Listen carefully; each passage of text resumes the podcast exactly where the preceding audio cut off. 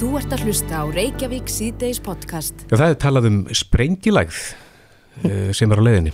Já, og samkvæmt fyrirsögnin á vísi, það mun enginn sleppa alveg undan Nei, sprengjum. þetta er svakalig fyrirsögn.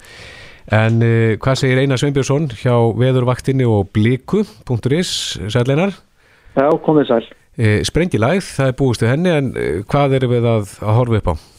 En einn sprengilæðin og þó er ekki sprengi dagur, sko. Nei, emitt. Nei, spre, sprengilæði er gerðan notað um, um læðir sem er dýfka mjög hratt og, og, og hérna, sprengja þar ákveðna, ákveðin þróskuld. Koma inn með kvelli. Kom inn með hvernig, já. Það sem einkennir þessar læði er það hversu djúbún er. Þetta er einn dýfsta læði, vetarinn sem ekki svo dýfsta. Samaborið við desember veðrið. Hvað, Já, og desemberveðri var þetta allt aftur öðruvísi, það var norðanviður. Nú erum við að tala um austanviður og, og við, við tölum um þetta í áttum því að það einkenni koma fram í áttum sko. Já, og þessi djúpa læði verður hérna söður af landinu og, og það er í skílónum á undaninni sem að verður svo kvast og það er á föstas morgunin mm frá hérna sunnalands frá klukkan frá stemma morgun svo fram yfir hátegi og, og norðan og austanland svona meirið í miðjandaginn. Má það búast við því að það veri lítið ferða við Sunnalands uh, þarna við morgunin á höstðæðin?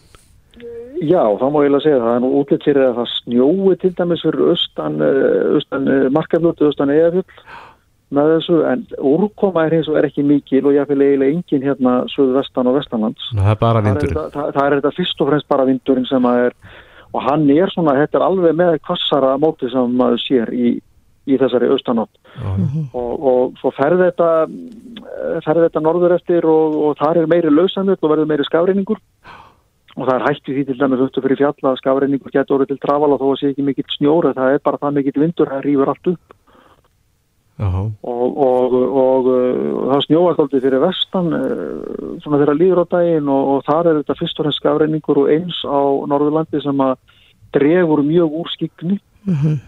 eh, eðlilega austanvert Norðurlandi sleppur kannski best, það er þetta bara hvessir þar en, en, en það er svo sem ekkit veður sem að sker sig úr. Og, og svo á, á Östurlandi gerur fríðar veður frá því miðjan eh, morgun á fössudaginn og, og fram eftir degi. Og, og kingir þar niður hans í miklum snjó. já, en hvar, hvar á landinu verður þetta svona, hvað verst? Mesti Ég- vindurinn Það er og... eins og alltaf í austanáttinu, það er við suðuströndinu, það er undir eigafullum og í Vestmannum Mm Já, og þar verður mesta viður og líka, í, líka kannski uh, austan til og söðurlandi kring, kringum Kolsvöld og Hellu og Júpsveitunum þar. já, já. En ef við tökum hérna Suðvestanverðlandið, uh, við erum að tala um Keflavík, uh, Selfoss, uh, Akarnes og náttúrulega höfuborgarsvæðið, Já, erum við að tala um að, að vegum verði hugsanlega lokað, Kjalanesi, Helliseiði, ég sko á Hellisegi verður, raun og vera að meta saman vind á som skafreiningi og, og þessa, þessa miklu veðurhæð og það er nú stundum í svona austanátt og þá verður blind alveg niður fyrir litlu kaffestúðum. Uh, á, á Kjalanesi og undir Hafnarfelli er mjög þekkt við, svona, við þessar aðstæðar að það verði, verði kviður sem að geti orðið skeinuhættar og leitt til lokan og vegum. mm en gengur þetta hratt yfir einar?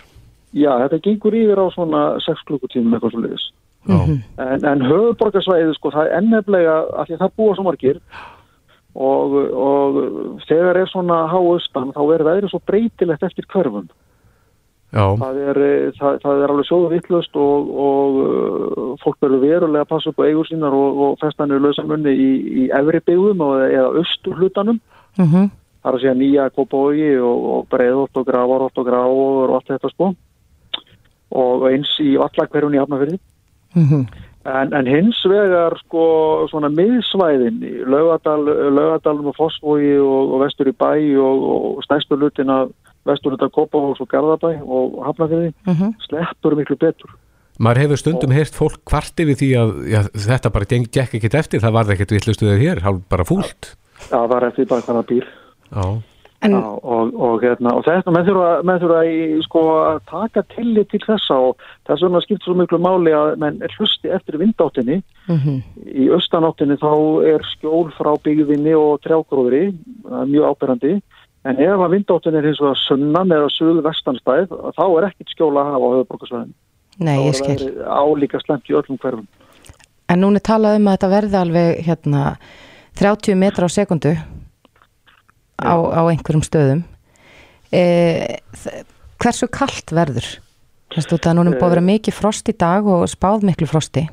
Já, það er það sem að veldur því að hvað verður kvast hérna á Suðuströndinu það er þegar að hlýja loftur Suðri rekst á hann að kalda vegg Mm og, og það er að bæja kaldalottinu frá og það smám saman hlánar á lálindi sérstaklega um sunnaverðlandi en það hlánar ekki fyrir nettu dúk og disk fyrir norðan -hmm. Þess vegna er, er þessum er að snjóa á Suðusturlandi með þessu. Og, og, og hitin að það verður, það verður svona vægt frost og 0 til mínus 2, mínus 3 gráður eitthvað til þess Já, hvað, í vindkælingu, hvað erum að tala um? Ef að þarna er, hvað, það er, verður eitthvað frost eða það ekki? Jú, það sem er frost, við talum ekki með 23 gráður, þá er vindkælingin umtalsverð þegar er svona kvast sko. Já, hvað við, í hvað tölur eru komið þá? Svona? Það er, ég er nú ekki með töfluna fyrir frammi, en það er, eh, það er ansið hátt sko. Já, þannig að, Þegar, þegar, þegar að saman fer svona mikill vindur og, og, og, og frost sko. þannig að það á- kólnar. ég- Já, ég hef nú ekki vonað því að margir sé að baksa múti vindi en það verður það sennilega ekki hægt. Nei, menn me, me, hlaupa bara á milli bygginga Eða fjúka á milli. og- eða fjúka á milli svona, já Aha. Einmitt. En er þetta nokkuð örugaspár, orðnar? já, það er alveg ótrúleitt hvað þessi djúbalæð þá hefur verið lengi inn í þessum nattarinnum spám í marga, marga daga. Og maður er svona að býða eftir að verði eitthvað tekník eins og stundu gerir síðustu dagana. Mm en, en það er alveg ótrúleitt að sjá hvað, hvað spátnar eru líkar hver annari eftir því sem að nær drefur en auðvitað er einhver smáatrið í þessu sem að skýrast núna bara á morgun þegar er svona sólaringur það er alltaf þannig. Já, eitt í því bótt sko að því að það hefur verið miskilningu með það og talað um það að breytar kalli þetta Dennis Já, Já. Denni dæmalösi. já, Denni Dæmulis það er hins vegar læð sem að kemur á lögadaginn og hún verður hérna þess frá landinu og, og, og veldur hérna meiri usla á breytnarsegin og þessum er hún nafn En hvað heitir, heitir þess ekki neitt sem er að koma núna á föstudaginn? Nei, við, við ferum ekki að gefa læðum einhvern nöfn og allavega ekki, ekki hérna, nöfn sem að fólk ber líka því að hver, hver, vil, hver vil bera ábyrða því að hafa verið læðin annað gekkir yfir og rústað öllu. Já, ég var stödd að Breitlandssegjum síðustu helgi og þá var ég akkurat að hlæja að því að við ættum að fara að gera þetta líka bara, sko, stormurinn hafliði eða, Já, Elsa, hún allir miklu tjóni í, hérna, í Noregi og þessi samanlega hétt Sabín í Þýskalandi. mm Þetta er bara ruglingi. Við þú- bara áfram að tala um föstudagslæðina og óvöðuslæðina eða hvernig þú höfum þetta. akkurat, þannig að þú segir að við ætlum ekki að fara þessa leið allavega. Nei, við, er, við veðurfræðingar hérna eru nokkuð sammála um það að gera það ekki. Þetta er komið úr nafnahefðinni með fellibillina til þess að for- forðast örgling. Mm En svo má gefa þessu nafn svona eftir á eins og við tölum um engi hérna veðrið eða súparulæðina og, eitthvað, og það, það er samt í göttunum eftir hvert, hvert, hvert tjónið var. En Einar Sveinbjörnsson hjá Bliku.is, kæra þakki fyrir. Takk, takk. Þú ert að hlusta á Reykjavík C-Days podcast. Jæja, snúum okkur aðeins að efnahagslífinu og það eru blikur á lofti í Hafnafyrði. Já, það voru mikil tíðindi úr uh, álverinu í Hafnafjörði Mm í Strömsvík í dag en uh, já, það eru kannski bara lítur út fyrir að mögulega verði álverinu lokað. Verið er að skoða rekstar grundvöld þess. -hmm. Akkurat og menn segja að það sé að e, raforkuverði sem að er svona helsti tappin í að það sé að það halda rekstur áfram og okkur skilst að samkvæmt fréttum að það séu viðræður í gangi um raforkuverðið. Já, og Rósa Guðbjörnsdóttir bæðistur í Hafnafjörði, hún segir að staðan sem er komin upp er graf alvarleg en það er þetta einn fjölmennasti vinnustæður í bæjarfélaginu. Einmitt. Og sá ráþeran sem er með þessi málvantalegin á sínu borði er Þórdís Kolbrún Reykjörð Gilvadóttir. Kom til sæl. Sæl og blessuð. Ja, hvernig metur þú stöðuna? Já, það eru auðvitað margt sem þarf að hafa í huga í þessu. Ég menna, eitt er að þetta eru auðvitað fyrirtæki sem að hefur mikla efnaðslega þýðingu fyrir okkur sem samfélag og hags, hagsmunni hafnafjörður eins og þið nefni eru miklir en, en það eru auðvitað líka starfað þarna mörgundur manns, 500 manns sem eiga beina atvinnu hagsmunni og svo eru auðvitað fjöldin allra störfum sem að hérna, þjónusta þetta svæði og þessu svona óbeinu störf.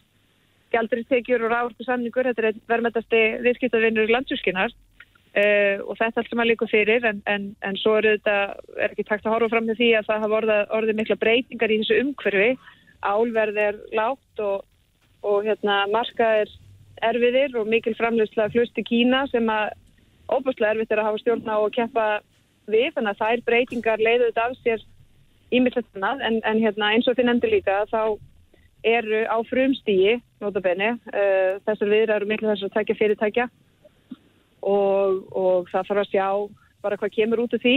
Uh, Ísæl er með samning til ásins 2036, þannig að það er ekki þannig að, að uh, þetta gerist uh, allt svona tekur tíma og, og, hérna, og við þetta viljum að, að, hérna, að þessi starfsemi eigi sér sterkar framtíð á, á Íslandi. Já, hvað myndi að þýða ef, ef að þetta fyrirtæki myndi leggja niður starfsemi?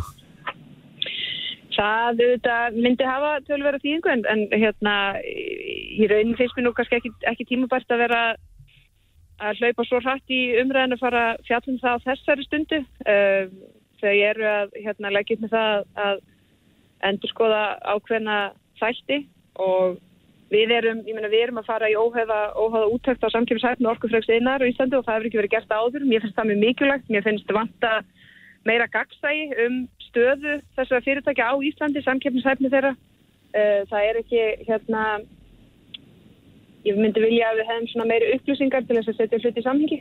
Mm -hmm. og, og hérna, en ég menna eins og ég segi, við erum auðvitað að selja nánast allar áhersku til nokkura fyrirtækja og þetta er eitt verðmættistu viðskiptavinnu landsvirkjunar. Þannig að hagsmunir fyrirtækisins, landsvirkjunar og samfélagsins eru samofnir á mörgu leiti og, og, og hafa verið í ára tíi og þannig er það áfram, þannig að ég, við þurfum bara að taka eitt skref í einu.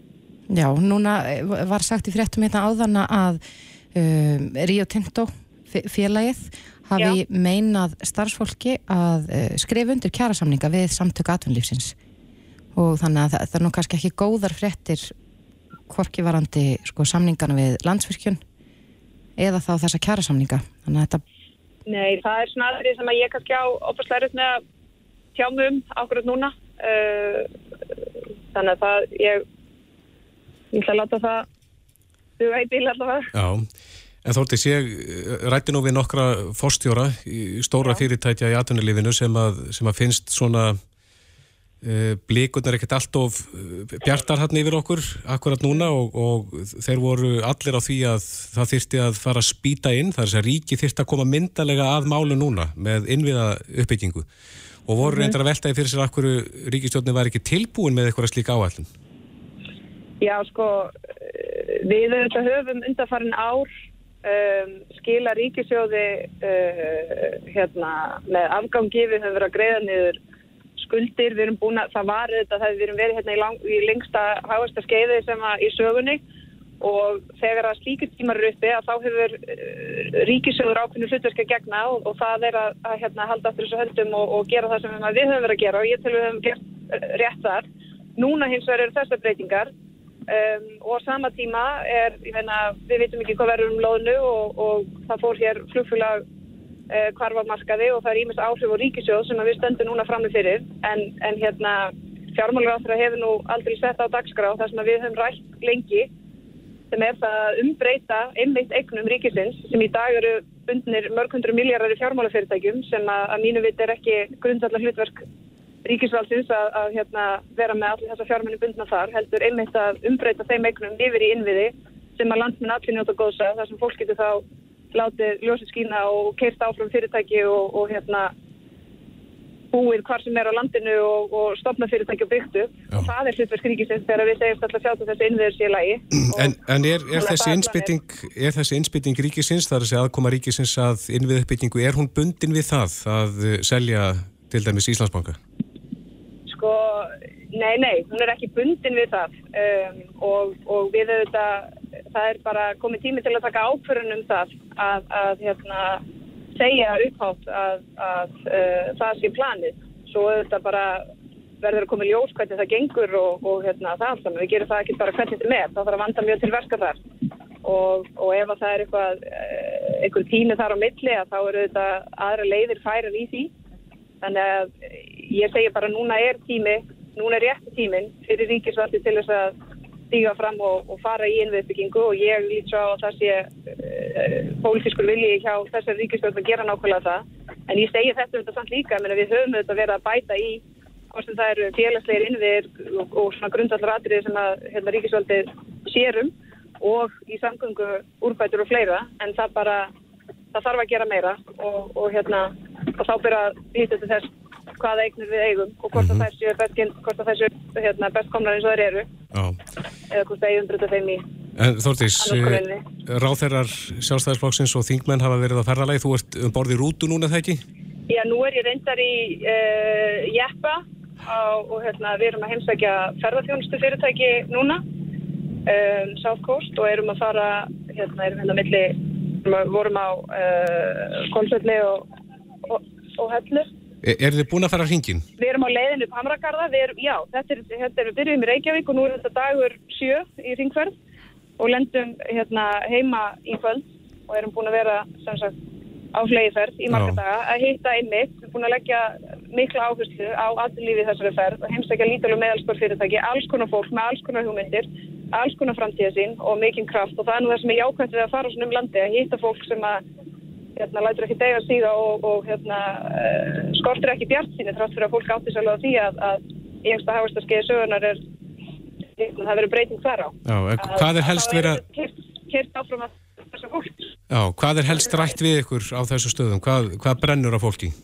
Sko við höfum auðvitað verið að fara núna uh, meira sérst, út, út á land. Þannig að í, í höfuborginni eru aðeins aðrar áherslur en út á land er þetta náttúrulega uh, óbúrslega mikið talað um, um hérna, þessa innvið eins og þú nefnir. Samgöngur til þess að fólk geti, til þess að stækka atvinnusvæði, til þess að fólk geti flutt hvort sem það eru uh, fiskur eða önnur verðmæti á milli svæða um, og það eru þetta rávorkumál eftir það sem á undan í gengi og svo er það bara þessi skilabóð bara ríkið að vera fyrir. Bara við erum að einbytta okkur af því sem við segjum sem að gera og reyna að hafa hitt sem skilvirkast og einfaldast og koma, koma samskiptum stofnuna á rafræð form og einhvern veginn gera þetta svona auðvöldar fyrir fólk til að aðtöfna sig. Og, og ég er sammálað því og það er opaslega gott og mikilvægt fyrir okkur að, að hérna, hitta þennan fjöld af, af fólki sem að er að gera svo misætla hluti, ég meina við erum búin að sko allt frá bara bonda með mikla framtíðasín í, í hérna matalaframlýslu heima í héraði yfir í ferðarþjónustu og sjáfurútveg og, og hérna hugbúnað og alls konar nýsköpunum fyrirtæki og það er bara, maður getur ekkert annað að vera bjart í þegar maður sér alltaf fólk með þessa hérna, stóru og miklu hugmyndir sem að uh, vil hérna, byggja þær upp hér. Það er Já. bara alveg ómeðalegt sko. Þórtís Kolbrún Reykjörð, Gilódóttir, Atun og Nýsköpunar ráð þeirra. Kæra þakki fyrir þetta. Takk sem við. Nú er, eru málefni hústýrakarsins komin á oddin aftur. Já, ekki fyrsta sinn. Nei, en nú á að fara að flytja inn kirkjuslöngur. Já, mér skilst þetta séu fimm kirkislöngur sem að e, mögulega gætu átt heima í lögadalum. Já, og uh, það er búið að gefa leifi fyrir innflutningi á, á þessum dýrum Mm og tekið fram sem sagt, við mati á þessu að það sé ekki mikla líkur á því að þessar slöngur lifi í íslenskra náttúru ef það slepp út. Já. Já, það er svona spurning hvort, hvernig, eða hvort þetta sé eitthvað hugmynd.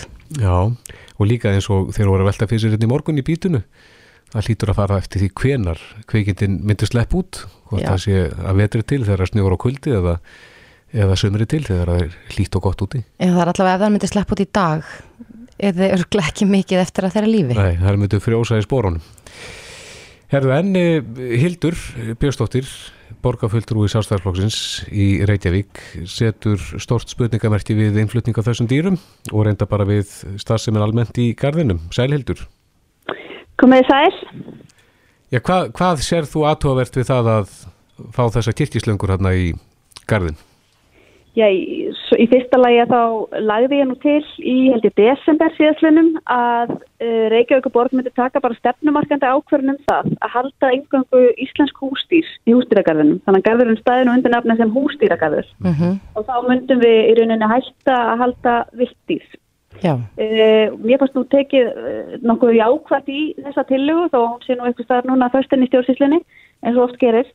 En mér finnst það þessi, þessar fréttir í dag af innflutningi þessara kirkislanga einhvern veginn ekki rýma við þáhugmynd. Sannarlega ekki og mér lístur hérna ekkert á blikuna. Þetta eiga kirkislöngur ekkert erindi hérna á Íslandi. Það er þrýfast ekkert í íslenskri náttúru og og, og svona þetta er í rauninni tvíækja sko, annars vegar út frá því bara að við getum ekki bóðið þessum dýrum aðstæður sem þeim henda og svo hins vegar umræðan um það eins og þið rættuði í engangi, hvað er það að sleppa Mm -hmm. e, þetta er nú bara örgulega mjög óþægileg umræða fyrir íbúa í laugadar tilugsunum að einhverjar kirkislöngur sleppi úr garðinum. Já, en myndir þú seg segja að þetta væri svona þá, þú veist, út frá dýraverndunarsjónamöðum sem að þú vilt ekki sjá það hérna eða bara ekki takt við starfsemi hústýrikarsins?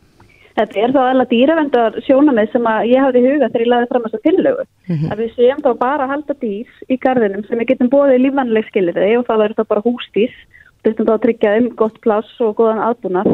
Mér finnst það svona kannski ekkert alveg í samræmi við tíðarandan í dag þar sem fólk er orðið, fólk er orðið meira umhugað um dýravend og velferð dýra og annað að við séum að halda viltum dýrum lokuðum inni í lögadalunum. Mér finnst það ekkert en ekki hlutverk höfuborgar að standa því. En hvaða dýr sem eru í gardinu núna myndur þú vilja sjá yfirgefa gardin? Já það hefur mér til dæmis mikil umræðan selina og sérstaklega eftir að seglurinn snorri drafst til því síðastlega höst þá spratt upp svona einhver umræða mm -hmm. og það er eins og margir vita til dæmis ekki er að frá því að hústíðagarðin er stopnað þá hefur 30 selgkópum verið slátrað í garðinum e, vegna þess að e, þegar við erum að, að hafa dýrin í garðinum þá eru þau ekki vön svona náttúrulegum skilifum og þá er erfiðar að sleppa þeim út í náttúruna mm -hmm. þannig að þá er eina legin að slátra þeim og ég held að þetta sé starrend sem ekki margir vita og finnst kannski óþægilegt þegar þeir átt að segja á því. Er, eru selinir einu dýrin þá núna sem að... Nei, það eru selir og revir og skriðdýr og ímestýr. Þannig að þetta er, er við að hérna, vinna bara í, í sam, samstarfi við, við enda alveg náttúrufræðistofnun eða eitthvað aðra hvernig verður rétt á að fara með dýrin sem eru nú segar í gardinum sem er ekki hægt að sleppa í náttúrunni. Þau fengið þá kannski að ljúka sínu lífi í gardinum og, og, en þetta er svona stefnumarkandi ákvörðu til framtíðar. Við verðum ekki að koma með ný dýrin í gardin eins og þessar kirkislöngur. En heldur þú hildur að, að dýrin þarna séu kannski einu dýrin sem að mörg borgarbörn fá að sjá? Já, það er auðvitað sjónamið en, en svo er það spurningin, er það eitthvað sjálfstæður réttur að, að geta hort á dýr lokuð í búrum? Er það eitthvað, eitthvað mannrættindi okkar? Það geta fangelsað eitthvað dýri lögadalum svo við getum fengið að skoða þau. Það er til gífulega mikið magna frábæru dýrlýfsefni bara sem hættir að nálgast á internetinu eða sjómvöldum nefnd David Attenborough eða hvaða nú er. Já, ef að þú mætti ráða, myndur bara loka þessum hluta garsins? Sem heldur vilt dýr? Já, sem heldur bara dýr yfir höfuð. Mér finnst það alveg, það er svo aftur sjálfstað umræða. Hvað í rauninni, nú er ég svo, svo, svo mikil hægrikona og vil nú draga á rumsviðum hins ofinbæra þannig að ég veldi alveg fyrir mér hvað hér ofinbæra er að reyka dýrakar yfir höfum mm -hmm. og ég held að ég hef nú velt því upp hvort að það ekki bara bjóða hana rekstur út þannig að, að, þannig að borgin sé ekki að reyka garðin mm -hmm. en, það, en þessi tillaga þín, hún, þú segir hún er bara först í stjórnsíslunni, sérðu fram á að þetta verði tekið til umræðu ykkur tíman á næstunni? Já, ég, ég held að þetta mál með þessar kirkislengur hafi svona kveikt aðeins aftur á umræðinu og, og er ástæði til að íta þá eins við málinu og sjá hvað það er start. Já, er það þín tilfinning að þessar kirkislengur komi ekki í gardin? Ég ætla að vona það og, og ég mun allavega hérna, reyna að hafa áhrif á það. Ég finn svona bara á umræðinu að fólki líst ekkert sérstaklega vel á þetta þó að ykkur eru þetta séu stættir fyrir að fá kirkislengur í gardin, við erum nú ekki allir eins. Nei, við kannski spyrjum um þetta en á vísi. Já, einni. Já, endilega, fá, fá aðeins álit fólksins á því. En, en hvaðan kemur þessi hugmynd samt? Er þetta þá bara eh, dýra, þessar húttýrakarinn sjálfur sem að, að er með frumkváða því að flytja þessar slöngur inn? Í fræðslustíni vantilega. Já, ég, ég hugsa það, þó ég sé ekki með starrandi bara hreinu því við hefum ekki fengið neinar kynningar á þessu og ég veit bara eins mikið og aðris, maður les bara um þetta í fjölmjölum. Mm -hmm. Þannig að það er bara góð spurning en það má nú kannski alveg geta þess að, að hústýragarðurinn hefur verið að vinna verkefni í samstarfið náttúrfræðastofnun sem heitir viltýri semmingum og það er náttúrulega sem ég myndi alveg vilja halda áfram og þá eru dýr sem hafa lendið ykkur um hálfskalun og ykkur um semmingum tekið til aðsynningar í garðinum og svo er þeim sleppt aftur í náttúruna þegar þau hafa nósir og það er eitthvað, þá, er, þá geta komið inn viltýri í garðin sem að geta fengið að sjá í fræðsluskinni mm -hmm. en þeim er svo sleppt aftur og það er svona alltaf velferð dýrana höfða leðaljósi Hildi Björnsdóttir, borgarfulltrúi sjálfstæðarflokksins í Reykjavík. Kæra þakki fyrir þetta. Takk fyrir. Reykjavík síðdeis á Bilginni podcast. Samsung var samsagt að opinbera þennan nýja síma bara á dögunum. Uh, Vestu velkunni. Takk fyrir það. Takk fyrir það. Er eitthvað uh, nýtt annað? Hvað segir þið? Er eitthvað nýtt í þessu, eitthvað nýtt tækni? Þetta er eiginlega svona einn stærsta breytingin sem Samsung hefur gert í fjölda ára, sko. Já. Uh, þá sérstaklega skjárin og myndaðalinn. Já, hvað er þá? Uh, sko, til að byrja bara veist, á skjánum uh, hérna þeir semst bættu við því að hann getur verið núna í 120 Hz uh, refresh rate heitir það það semst þýðir það Þú talar í tímisku fyrir mig hann blikka þá í rauninni sko 120 sinum á sekundu með að við að svona almennt í dag þá blikka skjáir bara 60 sinum á sekundu Þýðir það að myndin og myndböndin eru þá svona mikri, já, alveg töluvert mikri alveg, alveg minna mikið. högt. Eh, minna högt til dæmis ef þú spila leik í símanum eða ert að horfa mikið á Netflix eða YouTube þá ert að fara að upplega alveg mikið betri reynslu alveg allan daginn með 120 Hz skjá. Já, Ok, nú sá ég hérna að það er hægt að brjóta síman saman. Er það á, á öllum þessum nýju símum sem að, að Samsung er að gefa út eða? Uh, nei, þeir sem sagt byrjuðu kynningun á því að hérna á auðlýsingu á nýja Galaxy Z Flip og það er þessi samanbrjóðalegi sími Mm Nú lítur svolítið út eins og sem að fara í ringi út að ég átti nú samloku síma einna fyrir ja, þó nokkrum árum. er Já, þetta er sko þetta er líka byltingakendu sími uh, fyrst og fremst út af því að þetta er fyrsta beigjanlega glerið sem að hefur nokkuð tíman bara verið gefið út. Uh, það var svona smá svona sjokk til allra sem voru að horfa sko að þeir hefðu getað gert þetta. Er þá ekki að brjóta glerið? uh, Jú, jú, þú getur alltaf brotið glerið en uh, þetta bara þóli mikið meira heldur en svona þetta vennilega plast sem að hefur verið notað hingað til já. á svona beigjanlegum símum. Þannig ef þú ert neðan í rasvarsanum og sest á hana þá ætti hann að lifa það af. Já, alveg mikið frekar heldur en heldur en þú var með plastskjá sem sagt. Eitthvað meira svona sem að er nýtt í þessu? Já, uh, myndavelin það er svona eða stærsta breytingin í ár og hérna Er það ekki yfirleitt svoleiðis hjá bæði hjá iPhone og, og Samsung? Það er svona stærstu stökkin er í myndavélunum. Jú, nákvæmlega og, og einmitt sko Samsung hefur verið svona takaði svolítið hægt senast árin sko en núna í ár þá ákveður bara fara alla leið og hérna á sérstaklega S20 Ultra þá eru við með 108 megapixla myndavel uh, sem er bara rosalegt og hérna Ef við berum saman eins og segjum bara nýjasti iPhone-in, hvað er það í megapixlum? Uh, nýjasta iPhone-in, ef mér minnir rétt, þá er hann 12 megapixla, sem sagt aðal, aðal myndavela sensorinn á iPhone-unum. En náttúrulega megapixlanir skipta heldur ekkert alltaf öllu máli. En ef þú vilt fá veist, góð geði, þú vilt geta zooma inn á myndinni inn og séð öll þessi litlu svona detail í myndinni. Hári nefi og svona. Nákvæmlega, nákvæmlega. Þú veist, þú ert að taka mynd af hundinuðinum og þú veist, þú vilt að þetta sé í mjög góðum gæðum sérðfældi vel eða hvað sem það er Já, já, þá náttúrulega en viltu alltaf fá meiri megapixla heldur en ekki sko. já. E erum við að tala um það að, að símar í dag er þið bara orðnir eins og þið verða og svo erum við bara að bæta það sem er fyrir. uh, Sko ég held svona Já, það er eitthvað svona komið inn á ratar, eitthvað ný tækni sem að á eftir að bylta einhverju. náttúrulega þessi beigjanlega símar þetta er uh, tiltölulega ný tækni.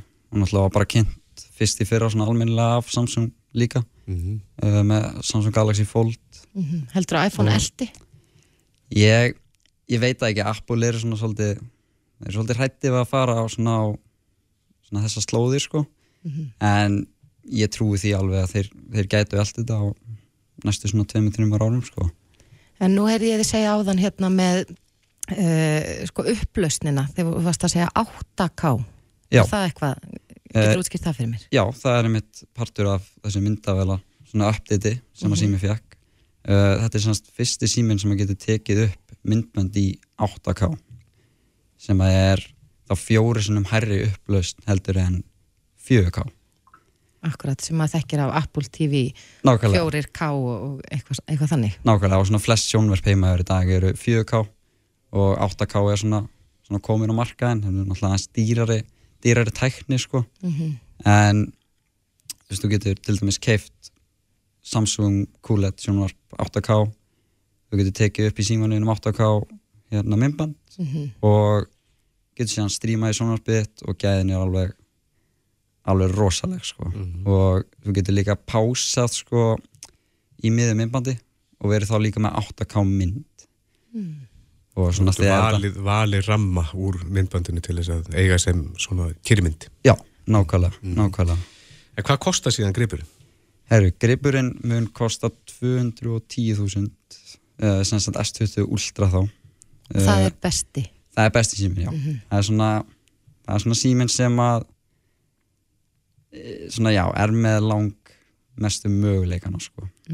stærsta, stærstur afflöðuna, stærsta skjáin Akkurat. Er þetta betur en iPhone? Hva, hvað finnst þér?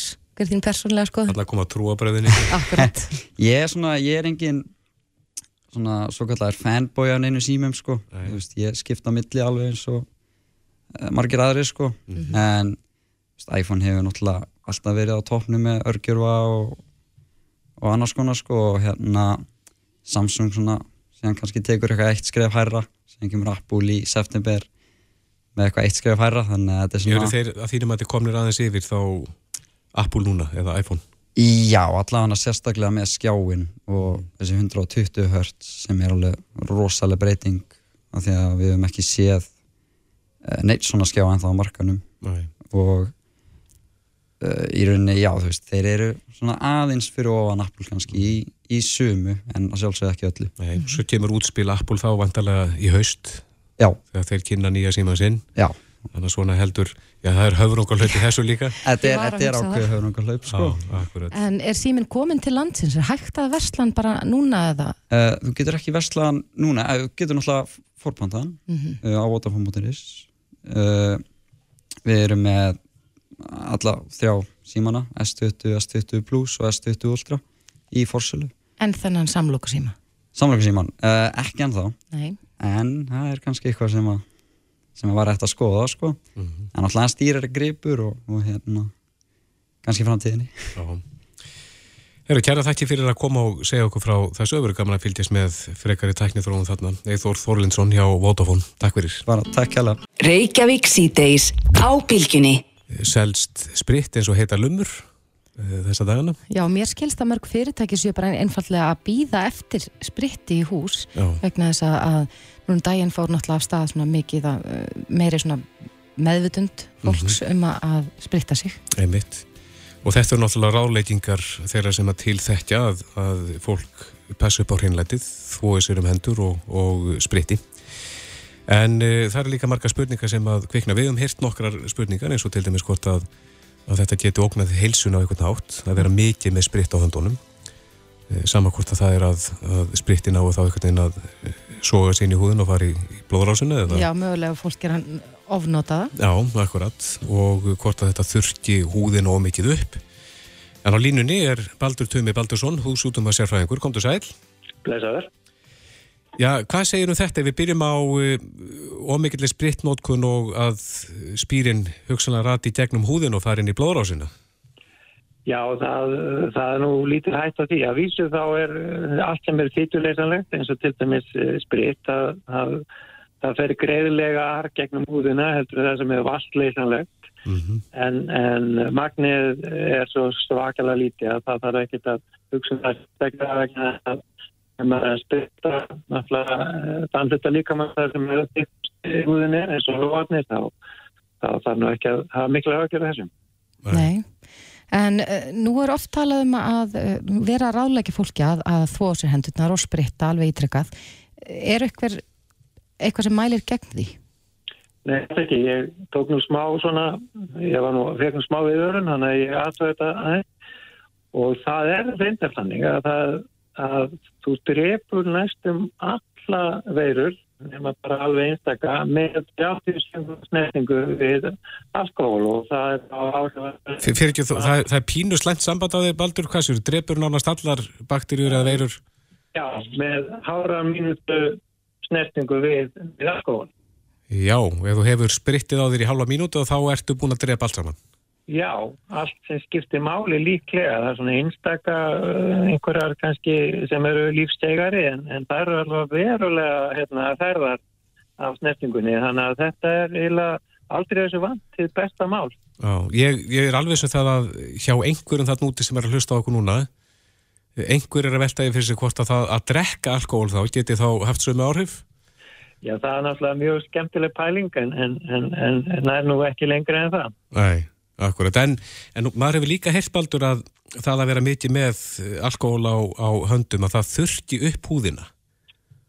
Já, það er náttúrulega ef, að, ef maður sperra saman við það að, þó sér um hendurnar þá er alkohóli líklega sprittið, líklega mun betri kostur vegna þess að þá er það í lokuðu kerfirunni, þú svo fita eða, eða svo smurning sem er á höndunum, hún leysist upp og fellur út aftur, hún ter ekkert á meðan ef þú færð hendurnar þá, þá hérna þá ert að þurka húðun um leið og ég er nú svona mikil verndar í húðarinnar þannig að ég vilt nú ekki að húðin verði mjög þurr mm -hmm. og bóðskapin er þá þess vegna ef þú vilt sóttin þessi hendurnar þá notar þú sprit en ef þú vilt beinlinnist tvoðir þá færðu þau bara en en þú þarft ekki að, að endilega þóðir til þess að losna við sótkveikinu. Það, það er mjög effektíft að breyta hendurnar, bara að gera almennilega. Er það að segja sem sagt að sápan þurki meira heldur en spritið?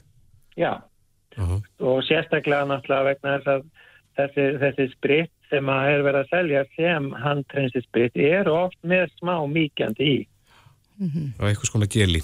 Já, en nú... Geli, Nú eru margar tegundur af handspritti á markanum, maður getur keft ódýrar útgáfur og dýrar útgáfur og er þetta alltaf sama?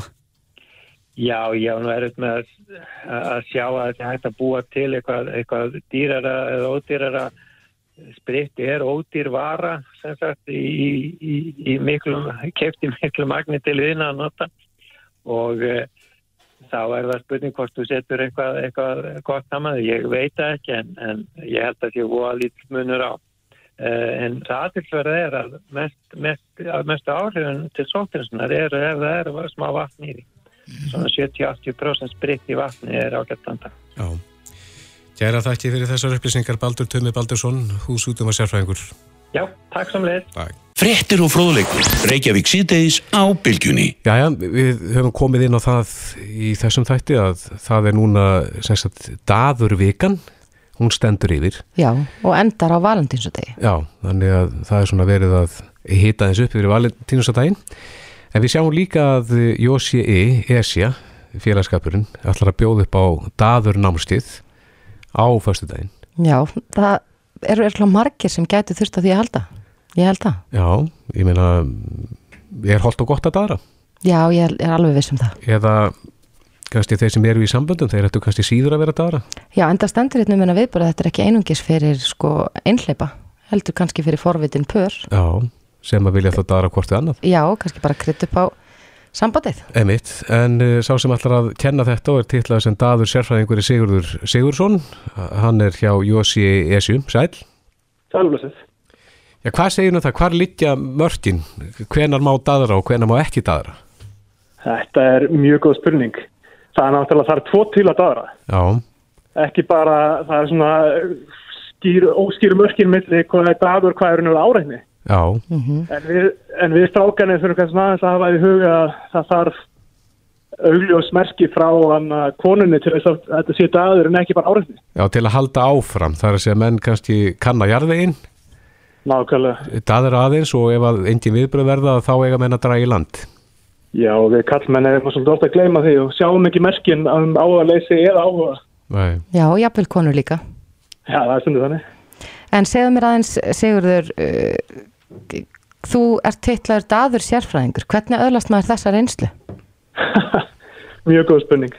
Herðu, ég var sem sagt ríkalega liður í svo sín tíma þegar ég er ung maður. Mhm. Mm og svona gamla, eins og margir strákar kannast kannski við að hafa farið á jammið og komið einir heim og svo bara allt einu hugsaði bara, herðu hún var bara hún var að daðra eða reyna við mig allt kvöld og ég tók ekkert eftir því mm -hmm.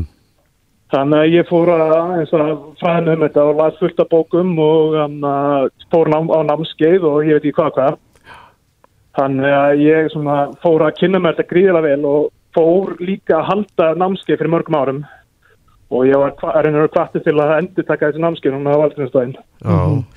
en hvað, hvernig lýsir þú daðri? Hvað, hvernig er daður? Uff, hvað er daður? Það er rosa spurning. Mm -hmm. Það er raun og verið fólk að meta á að sinna hvort öður. Ofta tíðum byrja þetta bara með auksambandi. Og síðan umræðum út frá því. Er, er til dæmis hrós, getur það verið flokka sem daður? Þú ert að hrósa kannski fallegri peysu eða skóm eða...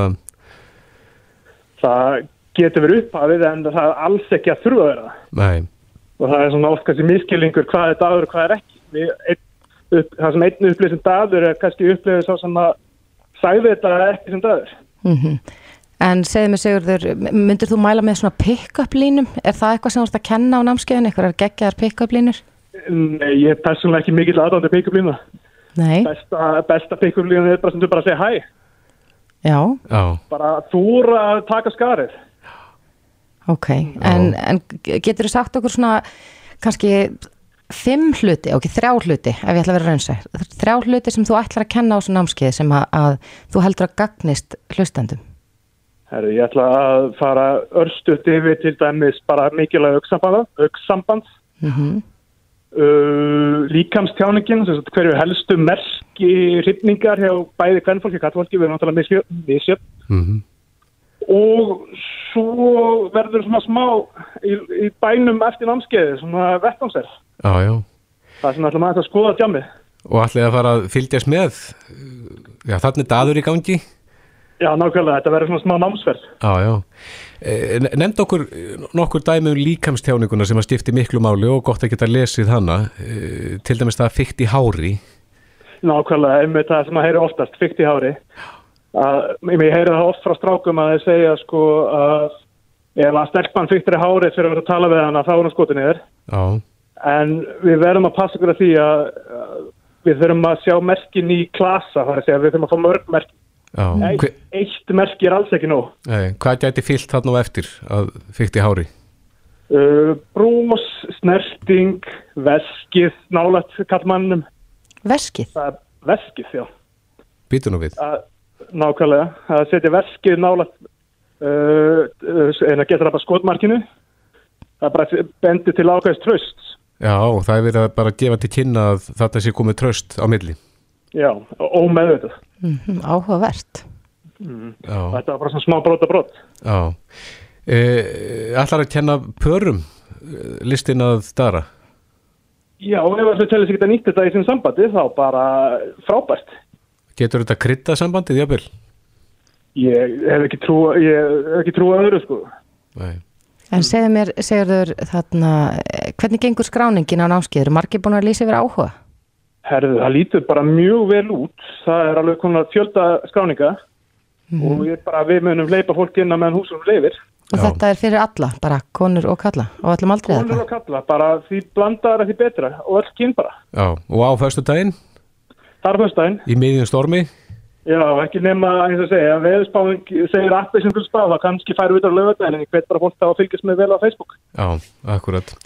Sigurður Sigursson, daður sérfræðingur, eh, það er að finna þetta daðurnámstíð á fjersbókinni sem uh, Valentínusar daður á Valentínusar dag. Mm, nákvæmlega. Já, takk fyrir spjallið. Takk hjá fyrir mig. Bless, bless. Bless, bless.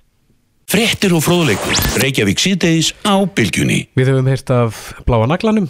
Já, ég hugsa að hafi nú allir heyrt á honum. Já, en uh, við höfum heyrt af honum á göngum uh, smáralindar. Ég rakst nú reyndar á hann á göngum kringlunar en, en hann er dögulegur að bera út bóðskapin og er búin að koma fyrir uh, flöskum, mislitum flöskum á göngum smáralindar. Jóhannes var Freynisson, blái naglinn, sæl. Hæ, góðan daginn. Já, fram á hvað ert að sína með því að skipta þessum flöskum upp í liti?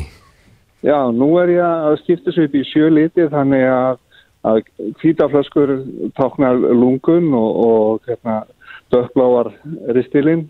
Þannig er ég að sína fram á, á hvað margir greinast og hvað margir deyja. Af, af völdum að- þessara krabba minna. Já, þessu sjö krabbmenni sem ég er með í, í smáralitinni. Og hvaða það litur er nú algengastur hjá þér? Sko, það, já, það, er- það er stendalega skulle spyrja um það af því að það eru lungun. Eru- lungun, Já. það er, sem sagt, það er 183 sem greinast með lúnakrabbin ári, hund- 131 sem deyr. Já. En, en ef við tökum leg og brjóst, þá er það 60 konur sem deyja og ef við bætum við hérna ristilkrabban, þá er það, þá er það konið 114 samtal, samt eru þessi þrýri sjúkdómar undir lungunum. En er, Þannig að- ertu með þessu, Jóhannes, að benda það að, að sjónum sé ekki beint nægilega vel að lúnakrabba minni og kannski þá sjónum ómikið beint að hinnum? Nei, alls ekki. Það þarf auðvitað að auka fjármagn í bæði brjóst og leg. Það sem ég er auðvitað að benda á að brjóst og leg það er innan við 10% allri dánatinni í öllum krabbameinum. og, og þessi krabbains forvalda gyrring sem er búin að vera í ára tugi, menn þurfa aðeins að staldra við og horfa ætlum við að hafa þetta svona eins eða ætlum við að fara að stækka þess að forvalda gyrringu. Mhm. En hvað leggur þú til? Ég legg til að, að við bara gjörum byltum kerfinu. Hvernig þá? Algjörlega. Ég myndi vilja að við myndum byrja sagt, sko miklu fyrr. Helst bara strax við eftir bara ungbarna eftirlitið. Það er bara við fimm ára aldrin og svo fimm ára festi. Og það var ekki bara krabbmenn sem var undir að því krabbmenn er sem sagt 25% af döðsföllum. Svo kemur aðal, sem sagt, aðal dánaminn er auðvitað hjartasjúkdómar. Svo, svo, svo, svo kemur krabbmeinið, svo koma sjálfsmord og eða sjálfsvíð og svo kemur slís. En uh, þú vilt þá fylgjast með uh, fólki á fimm ára fresti frá fimm ára aldri. Er það ekki gríðalega dýrt? Alltaf kerfið sé ekki dýra eins og það er ekki núna. Að, að eins og ég og þú, við erum að, að hérna, þræla þanga til við bílum og þá að vera viðgerða vestæði fyrir okkur. Já, að það sé í rauninu ódýrar þegar uppöður í staðið að uh, huga þessum forvörðum. Já, þú sér það sko, það var ekkert útgerða fyrirtæki sem myndi senda hérna veika áhöfn út á sjó. En íslenska þjóðskútan er þannig að tvöluður stór hluti á áhöfnun er í kói og sem ætti að vera búið dekki að vinna. Já, en veistu Jóhannes uh, hvernig kynjastiftingin er þegar það kemur að lúnakrabbamenni? Já, já, ég get alveg sagt þér það. Ég, ég er aðeins að lappa hérna inn, ég fór nefnilega inn í eina vestlun með ég var að tala við þið, Um, það er þannig að í lungum þá greinast karlar 79 og konur 92 já, og, og, í, í, og konurnas, uh, karlarnir sem látast eru 63 og 69 konur. Er þetta meðaltal af, af einhverjum árum eða er þetta á síðast ári? Já, þetta, þetta, já, nei, þetta er meðaltalið frá 2014 til Mhm. 18. Já. já, já. En segðu mér aðeins, mér langar að vita aðeins meira um þessar flöskur. Ertu þá, eru flöskurnar fylltar þannig að þú sérð, getur séð sko svona sínilega munin? Já, það eru sko, það eru bara í mismundi litum, þú skynjar þetta alveg strax, þú Mhm. sér flöskunar og þú sér það að liturinn tengist við s- svörstu flöskunar með gyrðingu þannig að þú sér hvernig dánatíðnin er varandi einstaklega sjúdóm. En þegar að fólk sér þetta svona hjá þér, hérna ljóslífandi, verður fólk hissa á að það sé ekki meiri áhersla lögð á eins og til dæmis lúnakrabbaminn? Það er alveg svakalega hissa. Já, og sko, maður auðvitað séð þetta fólk hérna, það tárast og það hefur grátið hérna og það er í algjöru sjokki og þú hefur séð eiginlega allt tilfinningaflóruna. fólk sem hefur þá mist nána ættingja og vini úr krabbamenni. Já, þú, það er mjög algengt að fólk bendir á ég er hér, ég er hér. Svo kom hérna lítil drengur fyrir nokkru dögum og bendi á svörtuflöskuna og þannig mamma. Já, já. Þetta er auðvitað bara svakalegt þegar maður sér þetta. En í, í öllum flöskunum, hvort, hvort sem það er um málaðir eða ekki, þá er, þá er þetta lítil flöskusliti.